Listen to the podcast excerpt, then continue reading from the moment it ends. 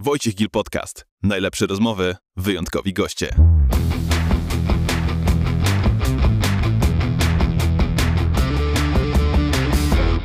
Moim dzisiejszym gościem jest Jarosław Kuźniar. Cześć. Cześć, dzień dobry. Przedsiębiorca, podcaster, multiinstrumentalista. Jarek, co cię najbardziej napędza do działania? Co jest takiego? Czy jest to chęć wygrywania dla samego siebie, udowodnieniem czegoś innym, złość? Złość czasem też, że coś nie wychodzi, ale myślę, że takim największym wyzwaniem, jak patrzę sobie w ogóle dzisiaj na rynek mediów, to jest chyba sprostanie temu stwierdzeniu multiinstrumentalista, bo pamiętam, to było lata całe temu, ale mm, Paweł Wilkowicz, który dzisiaj odpowiada za Viaplay, był dziennikarzem już, y, jeszcze Rzeczpospolitej, jeszcze nie, nie było go w gazecie.pl i przyszedł z tabletem do studia TVN24 i mówi, od wczoraj to ma każdy w redakcji i nagle zaczęli od nas żądać, żebyśmy nie tylko umieli napisać artykuł, ale ja nagle jadąc na konferencję muszę zapowiedzieć, że za chwilę konferencja, nie wiem, szefa PZPN-u.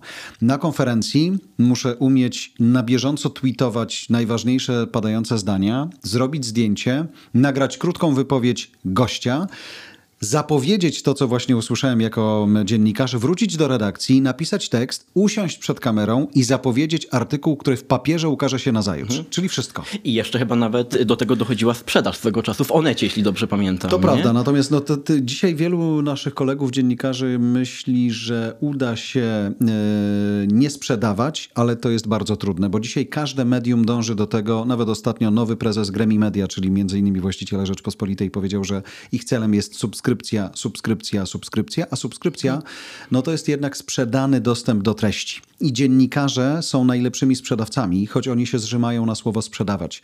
Ale z drugiej strony, tak myślę sobie już po tych paru latach doświadczeń, jeżeli ja przygotowuję dobry content, to jest dobry wywiad, to jest dobra, no powiedzmy sobie treść szeroko pojęta i się nad tym napracowałem, przygotowałem, y, no to fajnie, żeby ktoś mógł mi za to zapłacić. Jasne. I coraz więcej ludzi jest na to gotowych i rozumie, że za dobrej jakości treść, za treść, której nie trzeba sprawdzać, czy jest poprawna, szczera i prawdziwa, hmm. trzeba zapłacić. Jasne, ja pamiętam jak bodajże to było już w branży y, pay-per-view, kiedy hmm. KSW zaczęło wprowadzać ten system płatności.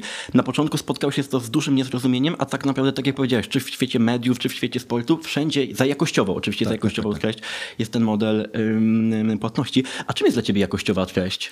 Wiesz co, treść jakościowa to jest nie tylko sfera techniczna, ale też merytoryczna. I dzisiaj jak ja na przykład uczę się różnych biznesowych rozwiązań, czy, e, czy chociażby poznaję świat e, podcastów, to słucham i szukam takich hostów, czy takich ekspertów, którzy się na tym po prostu znają. Więc ta warstwa merytoryczna to wieloletnie doświadczenie, studia skończone albo wiedza wyniesiona z praktyki biznesowej. To jest dla mnie pierwsza strona gwarancji i jakości. Mhm. Druga strona to jest sposób, w jaki oni się ze mną komunikują.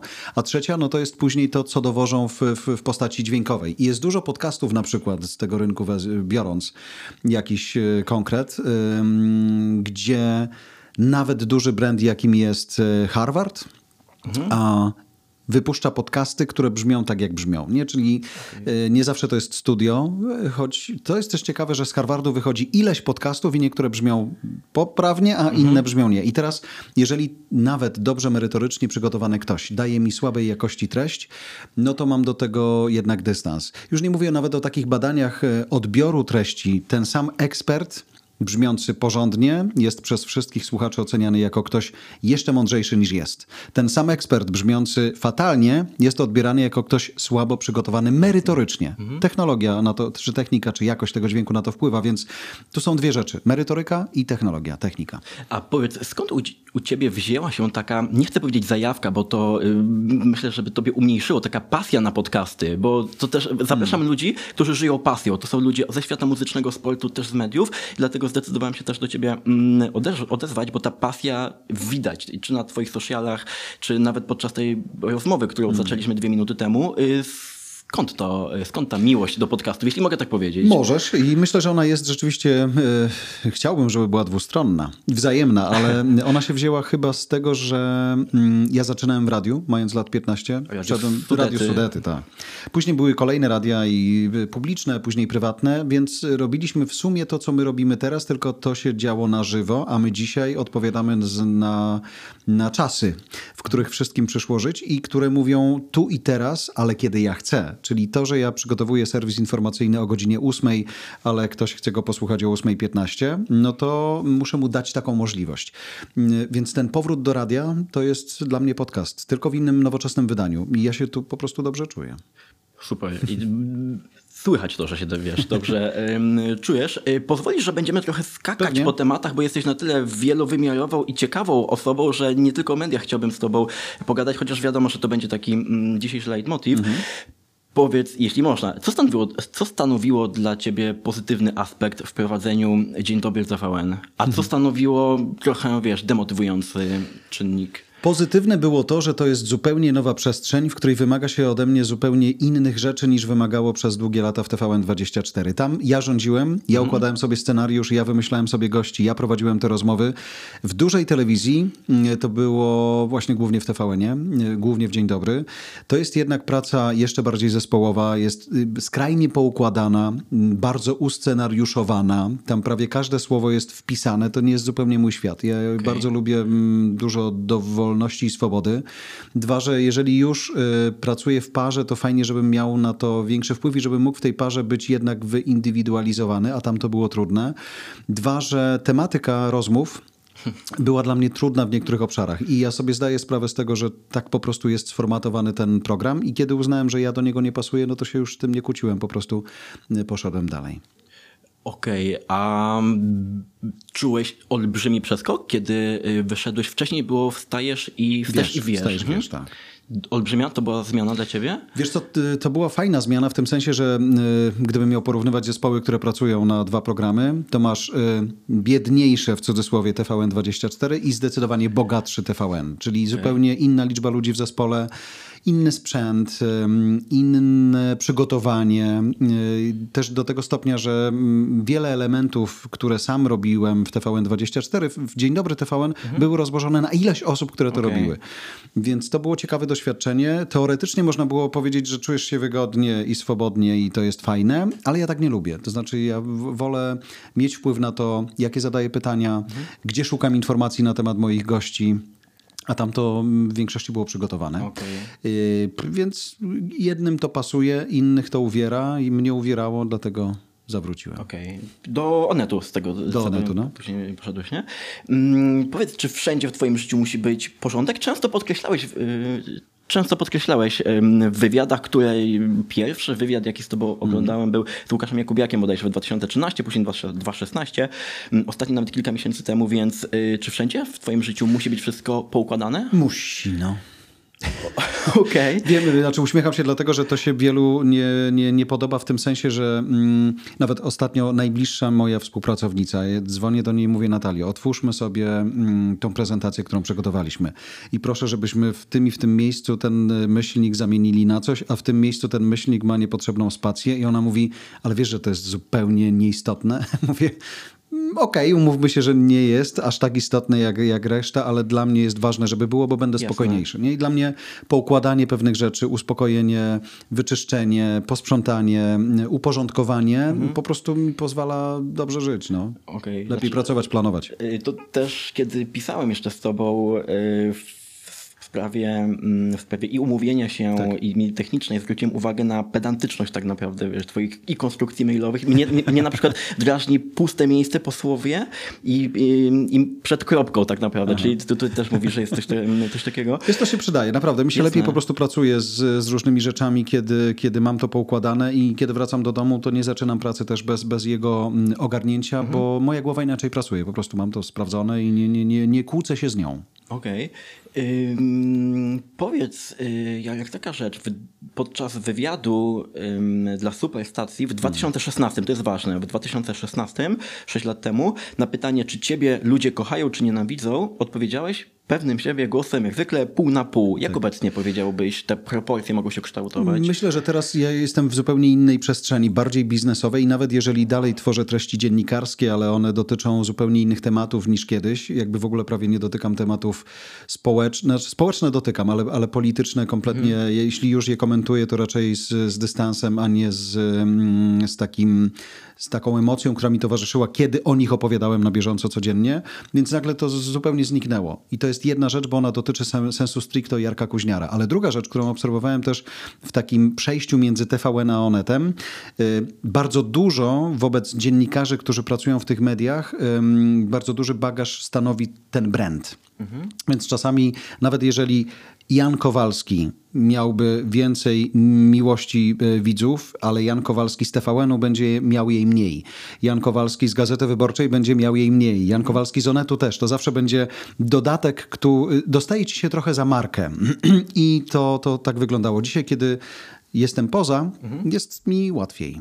A ciebie ludzie przede wszystkim kojarzą mm, z tego, że właśnie jesteś poza z Onetu, czy mimo wszystko, nie chcę powiedzieć ciągnie, ale y, ta przeszłość TVN-owa y, z, z, te- z, tego, z tej perspektywy ludzie też cię Był kojarzą. taki moment, kiedy Panie Jarku, wiem, wiem, wiem, wiem, wiem, wiem, wiem, wiem, teraz Onet, ale mi brakuje pana w telewizji, nie? Teraz później było tak, panie Jarku, pan, y, podoba mi się to, że tam jeździ pan w tym Onecie. Ale były też takie sytuacje, ostatnio jeden z młodych baristów w sieci kawiarni Costa w Warszawie mówi, kurczę, jak ja lubię pana na tym YouTubie. Ja mówię, no wiesz, ale, bo to jeszcze było z czasów onetowych, mówię, ale to jest program Onetu. On mówi, nie, nie, mnie to nie obchodzi, czyli to jest program. Ja oglądam to na YouTubie, więc byłem dla niego YouTuberem. Dzisiaj tak naprawdę moment, w którym ktoś mówi, lubię was z Bartkiem w podcaście technologicznie, to jest najlepsza wygrana, a jednocześnie pokazuje, że ten multiinstrumentalizm miał sens. To znaczy nie zamykanie się na jedną z przestrzeni, tylko bycie z tą społecznością w różnych miejscach dzisiaj pozwala po prostu złapać czasem tych samych ludzi, tylko z zupełnie innym kontentem w innej przestrzeni medialnej. Jasne.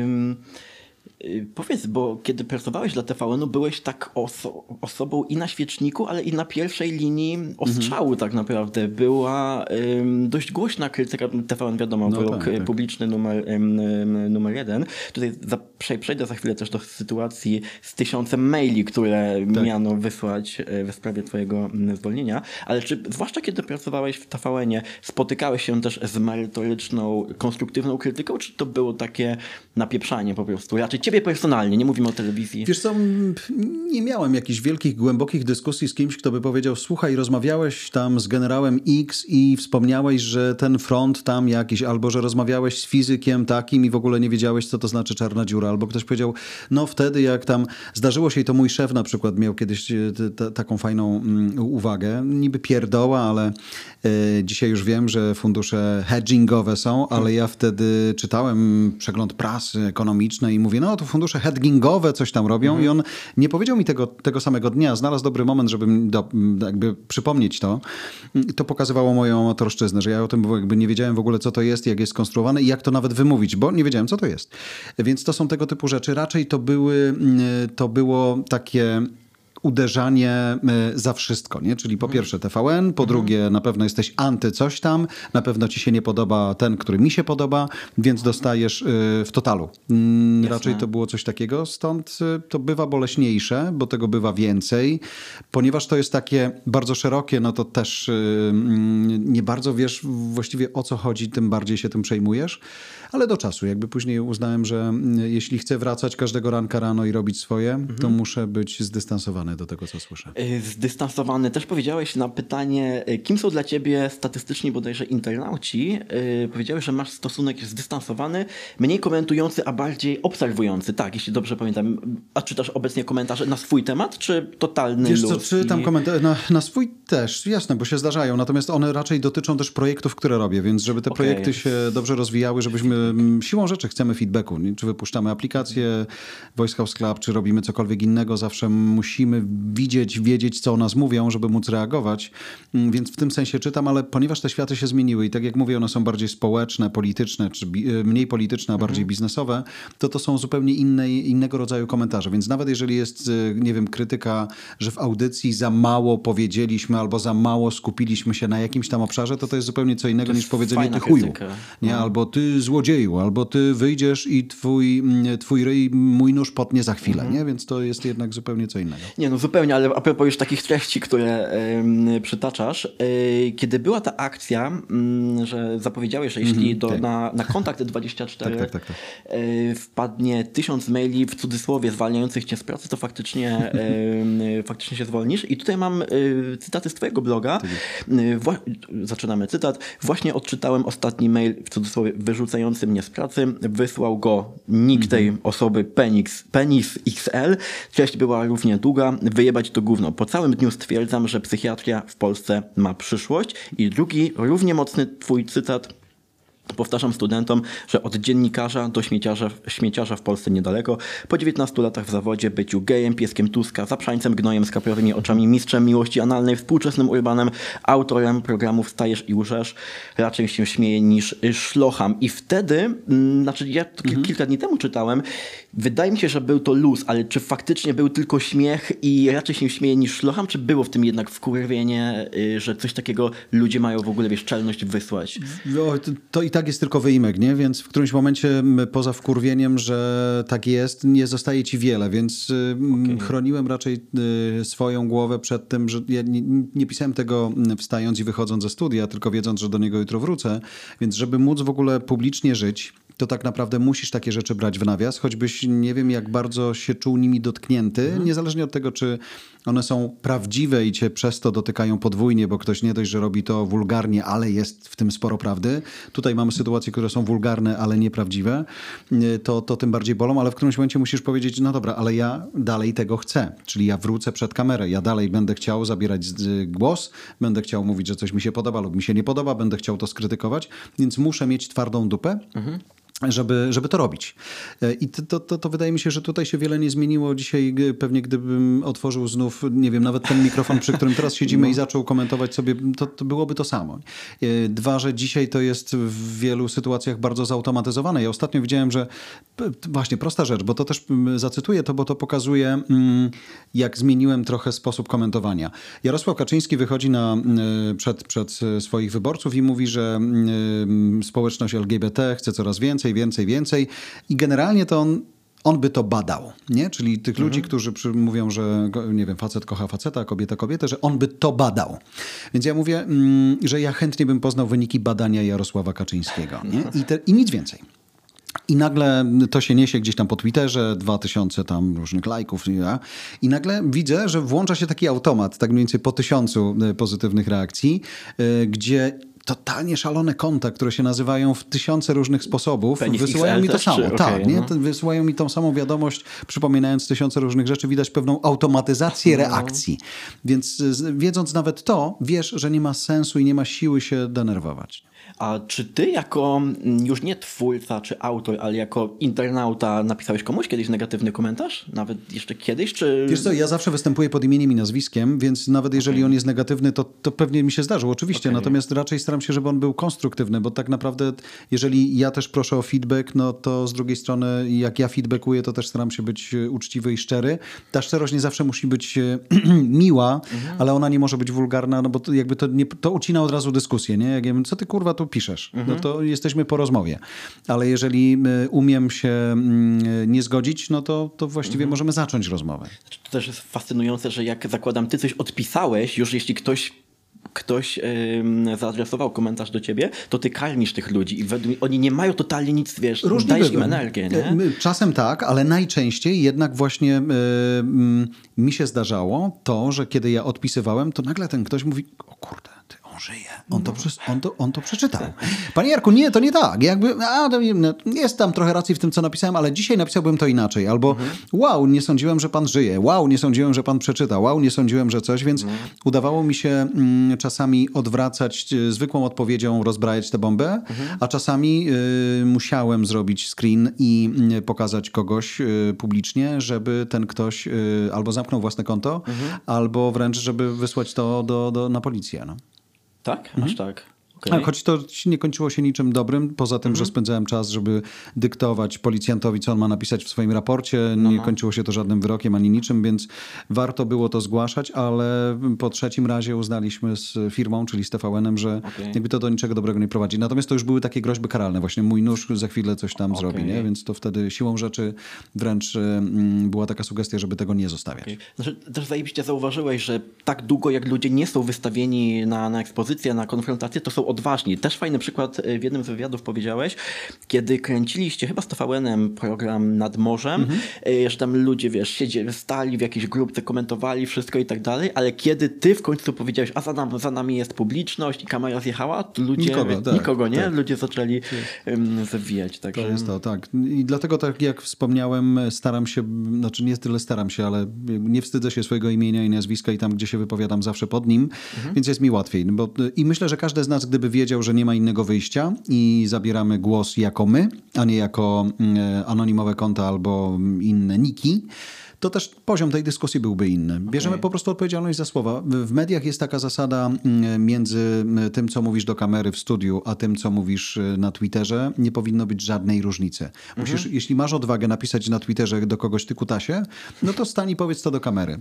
Jeżeli nie powiesz tego do kamery, to nie pisz. To jest zasada i ym, ZDF-u, i niemieckiej publicznej telewizji, i y, BBC także, i TVN też ją ma w swoim y, standardzie. Nie mów tego, jeśli nie masz odwagi powiedzieć tego do kamery, nie piszesz. Okej, dobrze. Do, dobrze też podkreślone, czyli jeśli nie chcecie komuś powiedzieć w twarz ty kuta się, to tego też Tak, to tego po prostu nie róbcie. Nie, nie piszcie. Powiedz, y, to pytanie zadaję wszystkim moim gościom, Mhm. bo ym, wszystkie osoby osiągnęły bardzo dużo w życiu, y, więc mimo, że chyba ciebie też każdy o to pyta, pozwolę sobie je tobie zadać. Czy w 2022 roku Jarosław Kuźniar czuje się czasami samotny? A, wziąłem wody- w dobrym momencie. Wiesz co, ja y, jako publiczna osoba, to jest w ogóle wpisane w tą, w tą definicję. Każda publiczna osoba może tego nie pokazywać ani o tym nie mówić na co dzień, ale każda publiczna osoba jest tak naprawdę bardzo samotna. Bo my wychodzimy na scenę, żeby coś zrobić, dać z siebie wszystko, zadowolić kogoś, y, pewnie rykoszetem kogoś wkurzyć, ale tak naprawdę później jak z tej sceny schodzimy, to jest koniec. Y, I, i jesteśmy sami ze sobą, więc to jest wpisane w ten, w ten zawód, w tę robotę po prostu. Ale Więc... czy, czy obecnie, kiedy już powiedzmy jesteś mniej yy, wystawiony? Mniej, na ale media? wciąż. Nie, bo Okej. z drugiej strony ja mogę być mniej wystawiony, bo nie wiem, podcasty to nie są milionowe, chociaż czemu nie. Ym, też, się- też się zdarzają. To, to, to są trochę inne zasięgi, ale z drugiej strony jest tak, że jak pracuję z biznesem, szkole biznes, czy wchodzę w relacje biznesowe, czy nawet właśnie robię coś, czego do tej pory w ogóle nie robiłem, czyli to, że ktoś mnie zna z lat całych spędzonych w telewizji, dla niego w relacji biznesowej jest wtórne. On wie, że skoro czegoś oczekuje ode mnie, to to będzie na tym poziomie, który ja mu dowoziłem przez lata pracując w telewizji, więc już oczekuje dużo.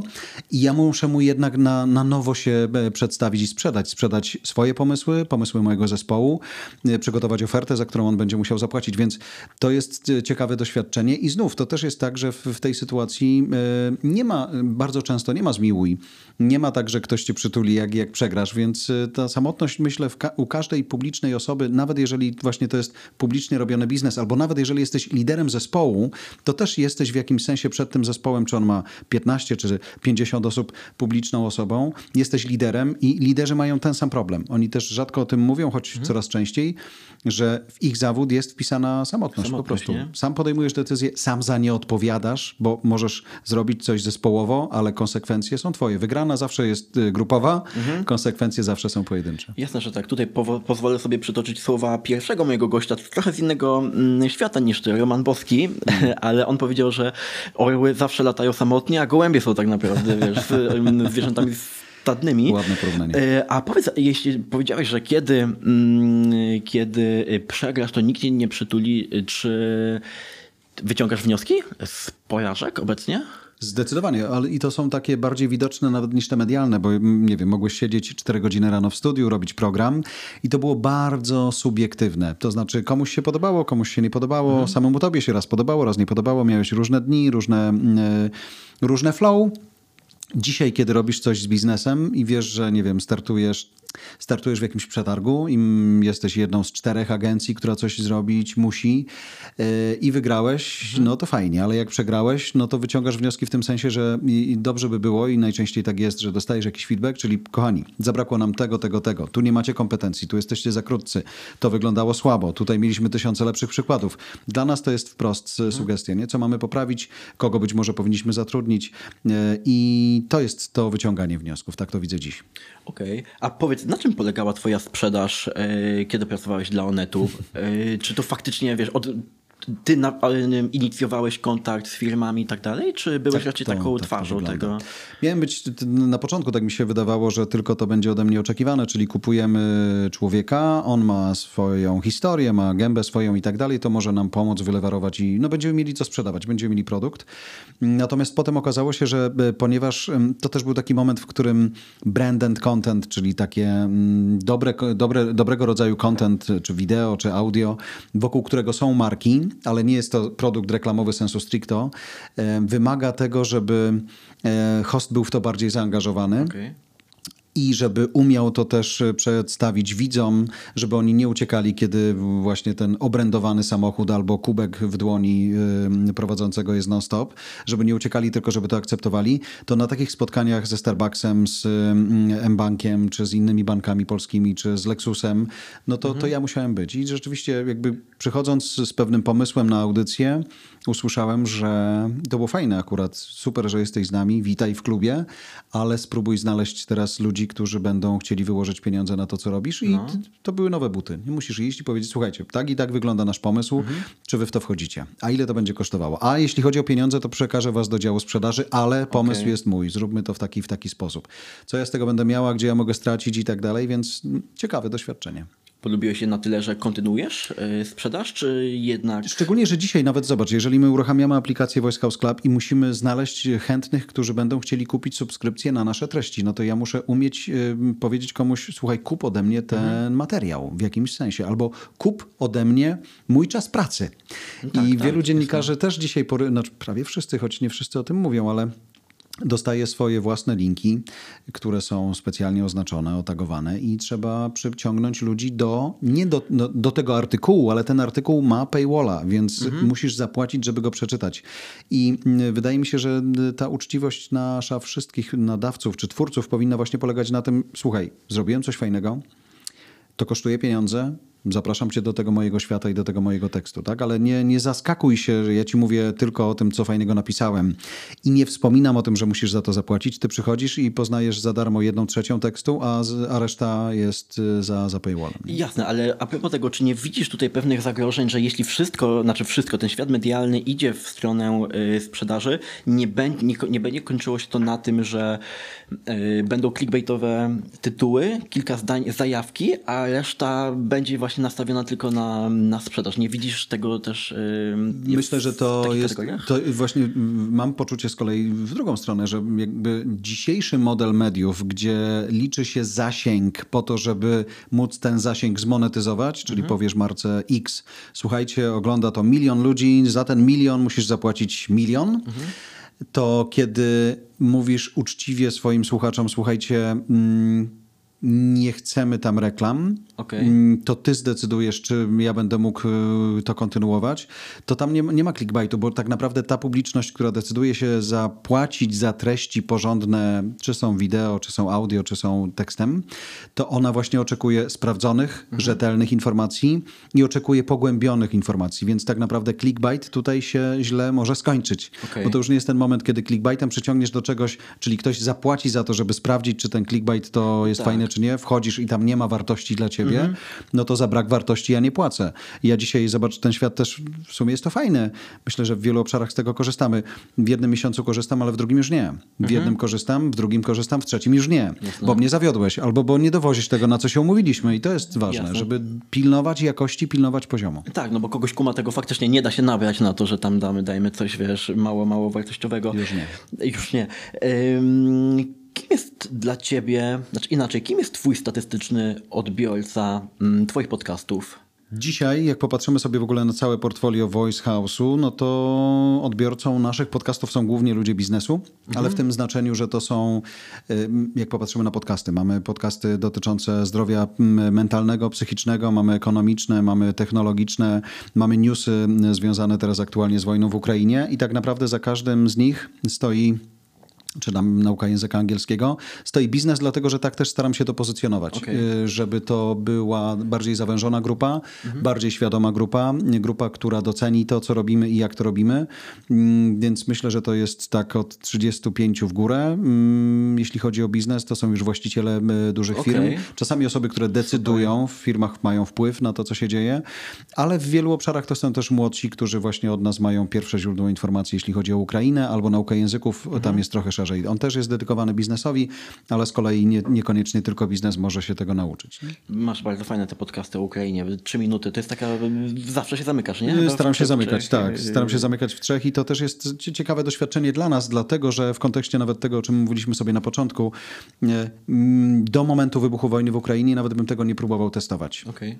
Bo jeżeli masz wszędzie newsy, jeżeli masz wszędzie telewizję, która na bieżąco ci coś nadaje, masz radio, które możesz włączyć, to ja kończąc nagrywanie, e, nie wiem, briefa ukraińskiego o 22, dzień wcześniej, e, wypuszczając to po północy, żeby ktoś od rana mógł posłuchać, teoretycznie mogę być kilkanaście godzin spóźniony, czyli jestem w sytuacji gazety, ale nam się jeszcze nie zdarzyło, żeby e, były jakieś takie informacje, które się mocno zdezaktualizowały, czy w ogóle się dezaktualizowały, a jednak okazuje się, że ten moment, w którym ja wiem, że to są tylko trzy minuty i ja puszczę sobie to wtedy, kiedy ja chcę, to jest, to jest decydujące. Czyli ja nie czekam na pełną w radiu, nie czekam na pełną w telewizji, bo ja w tym czasie jestem gdzie indziej. Nie? Więc y, dla nas to jest fajne, fajne doświadczenie i to pokazuje, że tego typu briefy mają sens i będziemy robić ich więcej, niekoniecznie ukraińskich. A możesz zdradzić, yy, na Chcemy jakie robić briefy technologiczne, b- briefy ekonomiczne i też polityczne, bo będą za chwilę wybory, żeby to była piguła taka, czyli tym po prostu wiadomo, że mógłbyś usiąść i przeczesać, y, ale nie musisz czesać. My to dla ciebie zrobiliśmy, tak? Dostajesz pigułkę. CNN robi chyba najkrótsze podcasty świata u nich, to jest ten Breaking News, który potrafi trwać 30 sekund i robi to już maszyna zupełnie, spięte to jest z całą technologią CNN-u. Jeżeli jest jakiś breaking news, rzeczywiście coś się wydarzyło, Algorytm y, i sztuczna inteligencja y, świetnie już mówi po angielsku, gorzej jeszcze po polsku, więc y, mam szansę się jednak jeszcze rozwinąć.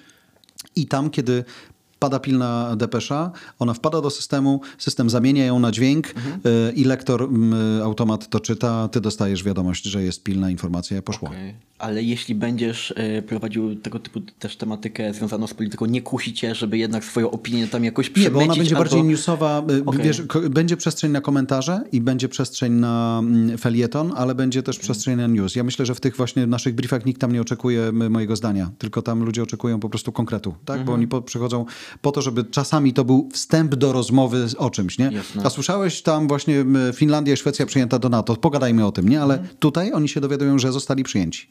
A nie, że no, zostali przyjęci, ale ja uważam, że to bez sensu, bo powiem wam, to nie ten moment. Tak, no. A jakich podcastów ty słuchasz? Poza swoimi, wszystko co jest pewnie w Voice House wydawane. Kontrolnie, natomiast tak naprawdę ja się, wiesz co, wkręciłem w wszystko, co robi mm, BBC Sounds. Mm, Oni stworzyli specjalną stronę www, w której agregują podcasty, ym, swoje audycje radiowe i, y, i muzykę też w, w różnych obszarach. Natomiast y, jest tam dużo świetnie napisanych, bo to jest ważne. Wielu się wydaje, że podcast to jest taka prosta rzecz, że przychodzi dwóch facetów, siada i gada. Wojtek z Jarkiem na przykład, ale to jest wcześniej przygotowane, napisane, świetnie udźwiękowione, mm, więc to są podcasty całe B- BBC-u, to są podcasty Guardiana, bo też są świetnie przygotowane. Całe podcasty takiego domu produkcyjnego Wondery, który został niedawno kupiony przez e, Amazon. E, Ale też Pineapple Studio na przykład jest taki dom produkcyjny podcastów, który dzisiaj produkuje podcasty dla Apple, dla Apple'a, produkuje podcasty też dla Amazona. E, i co jest fajną tendencją w Stanach, nikt w wielu obszarach, nawet w mediach, bo podcasty a, New York Timesa produkowane są na zewnątrz. Y, Oni teraz dopiero rozwijają jakieś swoje kompetencje audio. Gimlet na przykład produkuje podcasty dla Spotify'a, czyli jest dom Okej. produkcyjny. Spotify nie buduje własnego studia produkcyjnego, tylko wybiera ludzi, którzy umieją to zrobić. Okej. Mało tego, pojawiają się też już podcasty koprodukcyjne, czyli masz BBC na przykład i iHeart Radio ze Stanów Zjednoczonych, transgraniczna koprodukcja Zajebiście, i ten podcast sobie leci w, w świat, więc ym, tam się inspiruję, tam słucham tego, bo dlatego, że tam po prostu oni wyprzedzają trochę czas. I co jest myślę trudne i będzie na pewno porządkowało trochę scenę podcastową w Polsce. Nie liczy, liczy się oczywiście host, liczy się też y, showrunner, czyli ten, kto dobrze napisze ten podcast, ale zaczyna liczyć się też forma, a nie tylko treść. Więc y, kombinowanie z formą jest już droższe w tym sensie, że trzeba pomyśleć, jak to zrobić. Czasami to musi być więcej głosów niż dwa, dwie gadające głowy. No i też montażowo to wygląda zupełnie inaczej, więc to jest... Fajne wyzwanie. Jasne, ale a takie powiedzmy luźniejsze, luźniejszą tematykę też słuchasz w podcastach, czy tylko profesjonalizm, Nie, wiesz, bo na przykład jest taki tak podcast dalej? Smart Less robiony przez Wondery. Otworzyłem sobie specjalnie teraz ich odkładkę. On jest właśnie w Amazon Music dostępny, robiony przez Wondery i tam jest y, trzech gości. Jason Bateman, Sean Hayes i Will Arnett. To jest trzech gości, którzy na rynku amerykańskim są znani. Jeden jest stand-upowcem, drugi aktorem, trzeci chyba też aktorem. I oni na przykład są trzema hostami. Za każdym razem mają gościa specjalnego i to jest najczęściej aktor. I oni między sobą robią sobie taki small talk na początku, gadają, gadają, gadają, gadają, a później jeden z nich zaprosił tego gościa, więc pozostali nie wiedzą, kto będzie. I on robi intro i oni mają zgadnąć, kto. Najczęściej nie Okej. zgadują i on mówi, a naszym gościem jest Wojtek Gil. No i ty już tego słuchasz, więc słyszysz ich reakcję, możesz zacząć i wtedy cała trójka gada. Więc jest to show, jest to lekkie, ale fajnie zrobione. Jakby w ogóle podcasty, myślę, bardzo oszczędzają ludziom czas, bo są, wiedzą, że muszą być dobrze zrobione, więc Muszą, tam no. nie ma czasu na, na pierdoły. A podoba ci się styl na przykład Joe Rogana, czy to nie jest dwójko do Podoba mi się sposób, w jaki ty facet. y, Podoba mi się to, że ma w cholerę czasu na zadawanie pytań. Tak, podoba mi się tak. głos, jaki ma. Podoba mi się sposób, w jaki to jest technicznie zrobione. Podoba mi się, że był pierwszy, zbudował gigantyczny zasięg. I też myślę, nawet paradoksalnie, choć to pewnie wielu może oburzyć, ale ten moment, w którym on się mądrze tłumaczył, dlaczego on zaprasza do studia ludzi, którzy uważają inaczej niż Mhm. większość, to ja się z nim też zgadzam. Ja bym pewnie tego nie robił, bo szkoda mi czasu, natomiast on ma tę przestrzeń, on ma tę moc i on może to zrobić yy, i potrafi to robić, bo jest, to nie jest gość, który wyszedł ze szkoły yy, jednego czy drugiego uniwersytetu medialnego z zupełnie innego świata, ale paradoksalnie to mu też pomaga. I jak się popatrzy na wiele podcastów amerykańskich, gdzie temat jest ważniejszy niż host, to bardzo często marki, które chcą zrobić dobrą treść, wybierają jako hostów stand-upowców albo stand-uperów. Tak, tak, tak. Bo oni mają pewną umiejętność pracy z głosem, są świetni retorycznie i też potrafią angażować, nawet mówiąc tylko do mikrofonu, a nie do kamery, tych, którzy są po drugiej stronie. Tak, mają też taką obcesowość, to też u niego fajnie, wiesz, Konkret, wygląda. nie? Konkret, no, no, powiedzenie, no. a pierdolisz, nie? Dokładnie tak. I mówi, nie, nie, wcale nie pierdolę i tak dalej. nie, tak, już tak, jest tak. prawdą. tak, y, a na czym według ciebie polega dobry podcast? Oczywiście poza warstwą techniczną, technologiczną. Na przygotowaniu. Okej. Jest wielu hostów y, po, na, na polskim rynku, chyba bardzo wielu, a nawet za dużo zdecydowanie, którzy myślą, że oni są na przykład ważniejsi niż gość.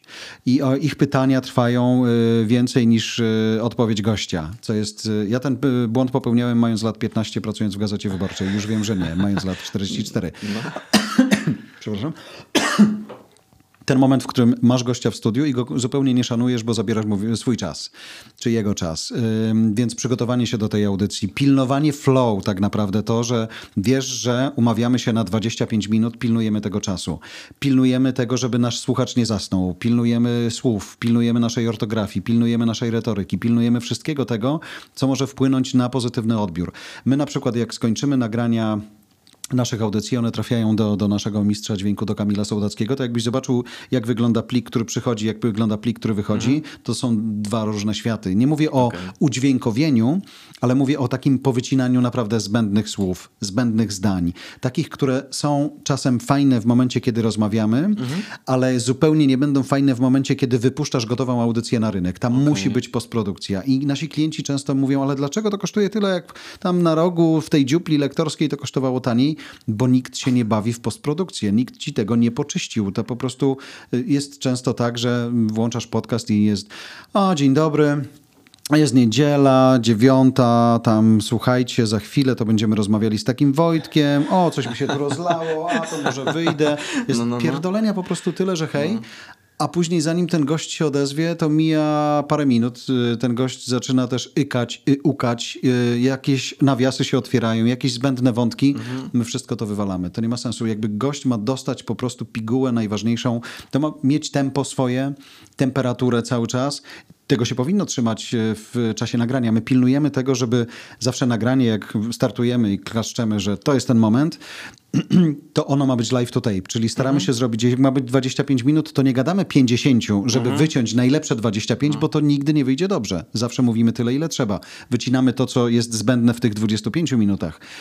A czasami nam się tak zdarza, że wynajmują sobie tutaj mm, nowi prowadzący z, z miasta studia na dwie godziny i siedzą sobie i gadają i mówią, no tam jest 90 minut, zróbcie z tego 15.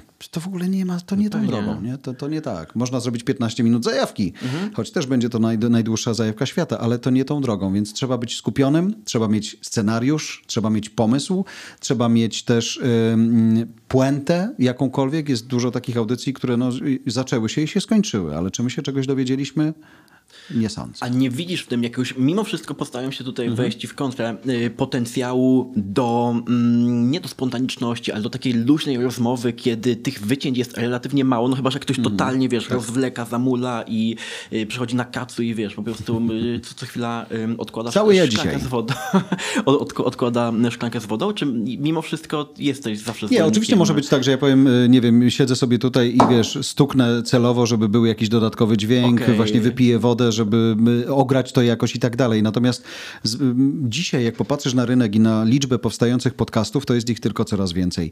Ludzi, którzy ich słuchają, też jest coraz więcej, ale czasu, jaki mają na słuchanie, jest cały czas tyle samo, więc oszczędzanie tego czasu ludziom y, jest, myślę, bardzo, bardzo ważne. To jest trochę tak jak z, z, wiem, z serialami też jest tak, że nagrywasz ileś scen, ale ileś scen nie wejdzie do tego filmu, bo on ma mieć określony czas, on ma mieć określone flow, trzymamy się po prostu jakiejś jakości te, tej emocji, z którą nasz e, widz czy słuchacz będzie. Jasne. Yy, jeszcze już tak zamykając temat podcastów, ale jesteś na tyle zajebiście wygadaną osobą na ten temat, że muszę zapytać, yy, skąd według ciebie wziął się sukces podcastów kryminalnych w Polsce? Wiesz, odpalimy listę top na Spotify'u, jest według mnie nawet nadreprezentacja ym, podcastów kryminalnych. Po, i wiesz co, bo to, tego się dobrze słucha. To są historie, które wciągają, to są historie, które mrożą krew w żyłach czasami i tak dalej, więc, y, więc to jest też, y, też te, to stąd się bierze. Dwa, że kryminalna historia jest dobrze napisana, to o czym mówiłem. Nawet rozmowa powinna być fajnie przygotowana i napisana, a tutaj masz kryminał, czyli y, nie od razu wszystko jest oczywiste, jest jakaś intryga, to jest coś takiego, czego się po prostu dobrze, dobrze, dobrze słucha. Okej, dobra, czyli I to wiesz, to jest o tyle fajne, że to nie jest trend polski globalnie na świecie. Jak jesteś domem produkcyjnym podcastów, czy, e, właściwie raczej bym myślał o audio, bo tak naprawdę podcasty nam trochę zawężają ten, ten katalog, no to musisz mieć tam crime. Albo true story. True story. True crime nawet. True crime też, tak. Y, powiedz, y, Jarek, na czym, znaczy jak wygląda model biznesowy Voice House? Krótko mówiąc, skąd macie Pieniądze. hajs? E, No. Wiesz co, na początku to był e, produkt, który jako Kuźniar Media, agencja, wymyśliliśmy dla naszych klientów. Widzieliśmy, że jest jakaś tendencja na rynku i być może to może być ciekawe dla nich. To znaczy nowy rodzaj kontentu, w którym oni będą mogli opowiadać swoje historie. No i zaczęliśmy to robić. E, Miejsce, w którym jesteśmy, czyli Cambridge Innovation Center akurat startowało. Zostaliśmy operatorem tego studia i zbudowaliśmy wokół tego a, właśnie, dom produkcyjny.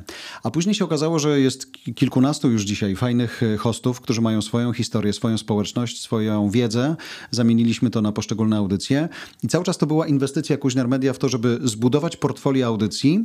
I dzisiaj my monetyzujemy to w ten sposób, że przychodzą do nas marki i mówią, potrzebujemy być przy audio.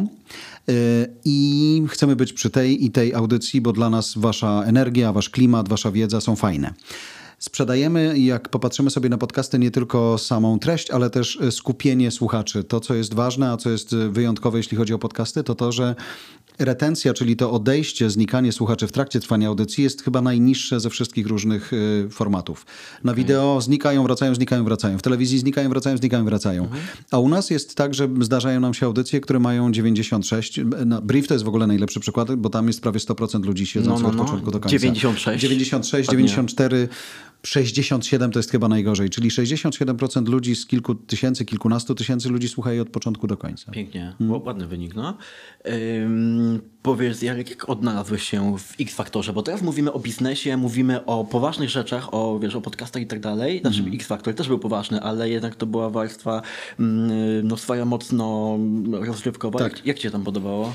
Mi się podobało to jako doświadczenie dziennikarskie i to gość, na którym się wzorowałem, nie wiem, czy on jeszcze prowadzi w BBC, y, w Stanach to nie było BBC, to było chyba ITV, ym, prowadził y, swoją wersję. I tam miałem takie poczucie, patrząc na niego, że to będzie do odtworzenia, czyli ty nie musisz być jednak... y, klaunowaty bardziej niż jesteś, żeby zadowolić polską publiczność wieczorem.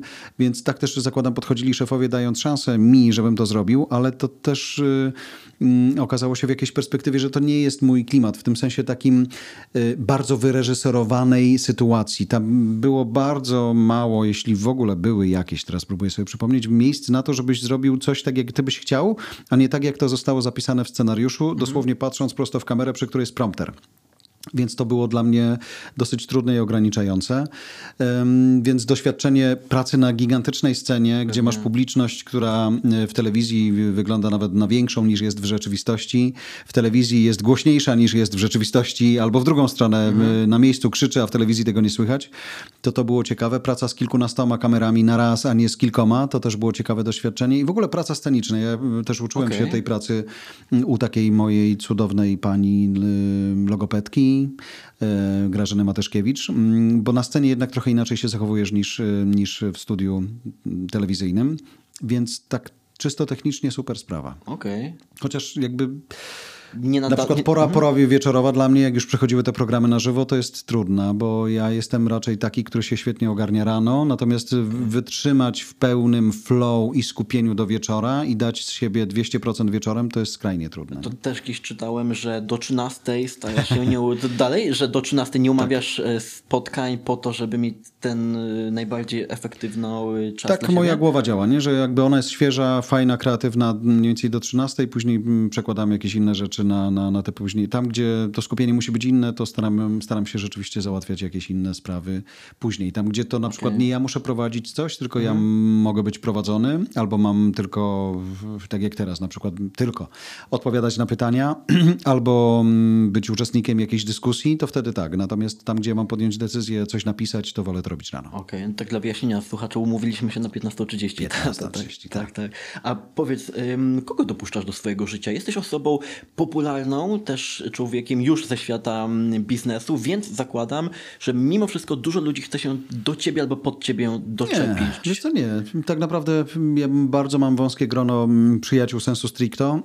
mam dużo, mm, dużo znajomych takich, y, z którymi robimy biznes. Y, Właśnie, bo to też jest tak, że w, każdym z tych projektów udaje się poza zrobieniem biznesu mieć jeszcze znajomych z tego, a nie tylko klientów, więc to jest fajne, ale nie, nie mam takiego poczucia, wiesz, że się ludzie Okej. dobijają, bo coś tam... W ogóle to też jest ważne i fajne, że jasne, że ja zawsze będę już gębą z telewizji i panie Jarku, jak szkoda, że pana nie ma, ale ale mm, przestali ludzie myśleć, że ja jestem w stanie coś załatwić, bo jestem gębą z telewizji, więc fajna sprawa. Okej. Łatwiej mi. Gdyby jednak próbowali coś załatwić, kogo na dzień dobry filtrujesz, kogo nie dopuszczasz do twojego otoczenia? To wszystko jest bardzo indywidualne, wiesz, Okej. nie, nie mam czegoś takiego, że jakichś- ktoś przychodzi. Ostatnio, bardzo fajna historia w sumie, Y, jest we- wesoła, a nie śmieszna, mm, ale miałem, y, jechałem bardzo zmęczony rano, odstawiłem już dzieciaki do szkoły, to jeszcze była szkoła, później do, do żłobka i stałem w takim dużym korku tutaj w Alejach Jerozolimskich, żeby skręcić pod biuro. I ym, auto przede mną w tym korku, a jechaliśmy tak dosłownie jak żółwie, nie? Tam się przesuwaliśmy, nie wiem, pół kilometra na godzinę. Auto przede mną wyjechało z pasa tuż przed i zjeżdżało na pas obok i dlatego mój samochód jakby nie wyczuł i nie wyhamował system. A ja się akurat schyliłem po coś, no i dotknęliśmy się delikatnie. Widać to na zderzakach, więc zjeżdżamy na bok i zaczynamy tam dyskutować sobie o tym. I pan do mnie mówi, panie Jarku, w sumie to ja się cieszę, że myśmy się spotkali, bo i tam opowiada, co robi i mówi, może ta, to zderzenie, trudno powiedzieć zderzenie, ale powiedzmy to spotkanie nasze zderzak w zderzak, to będzie dla mnie koszt uzyskania przychodu. I czy mógłby mi pan pomóc w czymś tam? Więc to, to miła, ale jednostkowa sytuacja. Okej, czyli tak to, takie są też plusy i aspekty. Kiedy byłeś najbardziej szczęśliwy w życiu? Czy uz- uzależniasz w ogóle swoje szczęście tylko przez pryzmat y, twórczości biznesu, czy też inne Raczej rzeczy? tak. Znaczy ja jestem takim gościem, który to, to raczej to sprowadza do bardzo konkretnych y, sytuacji. Nie? Jakby nie latam wysoko, nie odlatuję za daleko, tylko mm, jakby szczęśliwy potrafię być, jeżeli nam coś wychodzi. Mi wychodzi prywatnie albo wychodzi, nie wiem, schodzę ze sceny i mam fajny feedback, no to to jest jakiś rodzaj szczęścia, ale ja nie jestem tym, który, nie wiem, cieszy się z, ze słońca za oknem albo z Nie, nie. braku deszczu w momencie, w którym nie chciałby, żeby padał i tak dalej, i tak dalej. Takich ludzi też nie zapraszam do swojego pod, po, po podcastu. A z kim chciałbyś najbardziej nagrać podcast? I ta osoba jeszcze jest dla ciebie, nie chcę powiedzieć nieosiągalna, ale... Y, albo nie, inaczej. Z kim chciałbyś nagrać, a kto ci na ten moment, powiedzmy, odmówił? Wiesz co, nie, nie mam takiej osoby, która by odmówiła, bo nawet nie podjąłem tej próby. Natomiast mnie bardzo fascynuje dzisiaj z uwagi na to też, co robię, ta cała sfera, mm, cała sfera biznesowa. Nie? Więc takich ludzi, którzy potrafią robić biznes, no wyobrażam sobie, że nie wiem, Warren Buffett jest taką osobą, nie? że można by z nią pogadać o biznesie, ale z takiej dużej perspektywy. Mm, Na polskim rynku spróbujemy to robić może nie tylko w biznesowym kontekście, ale taki cykl My Way uruchomiliśmy z Józefem Wancerem i chcemy spotykać właśnie ludzi, którzy mają tak 70 plus, mają gigantyczne doświadczenie życiowe, zawodowe i biznesowe, żeby móc z nimi gadać o tym, jak żyć, żeby, żeby właśnie takie fajne rzeczy robić. Czad. Ni- nisza w ogóle chyba, nie? No, taki wiesz, jakby spokój na to, żeby sięgnąć do plecaka dorosłych i popatrzeć Okej. na to, jakie błędy popełniali, żeby móc na tej podstawie spróbować nie popełnić tych samych, ale popełnić własne. Wow. Mega, mega mi się podoba ten y, pomysł. A jeszcze y, wracając do świata dziennikarskiego, jak obecnie oceniasz poziom dziennikarstwa, już będąc poza, mimo wszystko, poza głównymi mediami? Bo wiesz co, podoba mi się to, że mm, media zaczynają widzieć, że ich model biznesowy może być inny, czyli to nie musi być tylko sprzedaż przez biuro reklamy, ale że można to zrobić inaczej. A to inaczej oznacza, że trzeba podejść inaczej do treści, że one wcale nie muszą być banalne i głupie, że one mogą być głębsze, że trzeba przy tym popracować i że to może być naprawdę różnorodne. Podoba mi się też to, że w sumie wszyscy zeszli do tego samego poziomu i muszą powalczyć o mm, tych samych słuchaczy, bo teraz i telewizja musi być go, i telewizja musi umieć robić podcast, e, a podcasty muszą umieć włączyć kamerę, żeby zrobić wideokast na przykład. Dziennikarze prasowi muszą umieć coś więcej niż tylko napisać, więc w sumie jesteśmy w tym samym momencie i musimy, mm, i to jest właśnie najważniejsze, musimy umieć w społeczność, czyli musimy umieć dotrzeć do tych, którzy to, co zrobiliśmy, e, usłyszą. I to jest najtrudniejsze tak naprawdę, znalezienie takich ludzi, którzy będą chcieli konsumować to, co przy, przygotowujemy, bo przygotowywać, produkować, gadać, nagrywać może każdy, ale dla kogo, to już jest co innego. Jasne. A utrzymujesz kontakt z kolegami, z koleżankami z czasów Onetu, czy jeszcze wcześniej z TVN-u? Na stopie bardziej biznesowej, ale, ale tak naprawdę jest tyle różnych rzeczy, że mm, jakby skupiam się na rozwijaniu własnego zespołu i poszukiwaniu y, nowych, nowych ludzi do zespołu, że jakby nie mamy czasu na to. Nie mam Okej. taki. Bo są pojedyn- pojedyncze osoby, z którymi rzeczywiście śmiało cały czas sobie gadamy, idziemy na piwo, natomiast to, to, to, nie, są, to nie są takie jakieś, wiesz, hurtowe relacje, że nagle z całym zespołem Onet rano idziemy raz w miesiącu na Nie, nie, no piwo, nie? To nie Okej. tak. Mam A- już nowy zespół. Jak duży masz zespół? 15 osób. Duży zespół. No. Bardzo duży zespół. To jest, y, to jest wszystko w ramach Kuźniar... y, Kuźniar Media, Go Forward? Funwisher i Voice House, no. Okej. Wow. Brzmi imponująco, mówię. Tak, Uczę się tego, jak zarządzać takim zespołem i jak go powiększać, jak dobierać osoby, jak e, czasem zwalniać osoby, to, to, to są nowe dla mnie historie, ale bardzo, bardzo, bardzo Tak, ciekawe. bo musisz też ym, posiadać powoli, przynajmniej nabywać takich skilli no, korporacyjnych nawet, nie? Zarządzania i tak dalej, i tak dalej. Jak będziemy kończyć jeszcze, ale znaczy już będziemy kończyć, jedno pytaniem. Czym jest dla ciebie sukces i czy uważasz się finalnie za człowieka sukcesu? Pewnie parę rzeczy się udało. Mm, Czy to znaczy, że to jest sukces? Y, Pewnie można by użyć takiego słowa, natomiast ja jestem cały czas w procesie. Nie, nie mam czegoś takiego, że ja coś zrobię i skończę.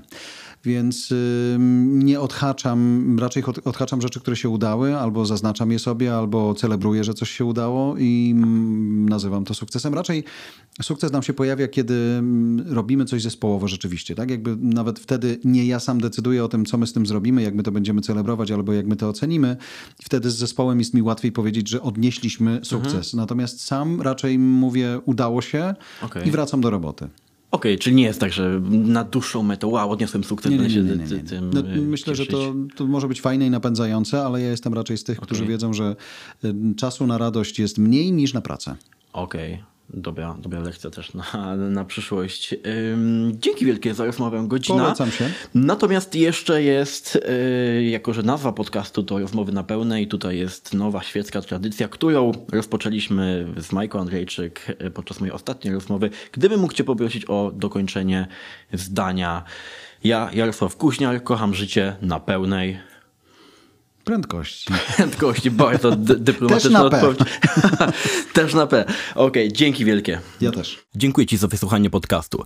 Mam do Ciebie prośbę. Jeśli podobała Ci się ta rozmowa, to wystaw pozytywną ocenę na Spotify lub YouTube. Polecam Ci też zasubskrybować kanał, żeby być na bieżąco i wcześniej niż inni dowiedzieć się o nowych rozmowach. Dzięki, Wojciech Gil.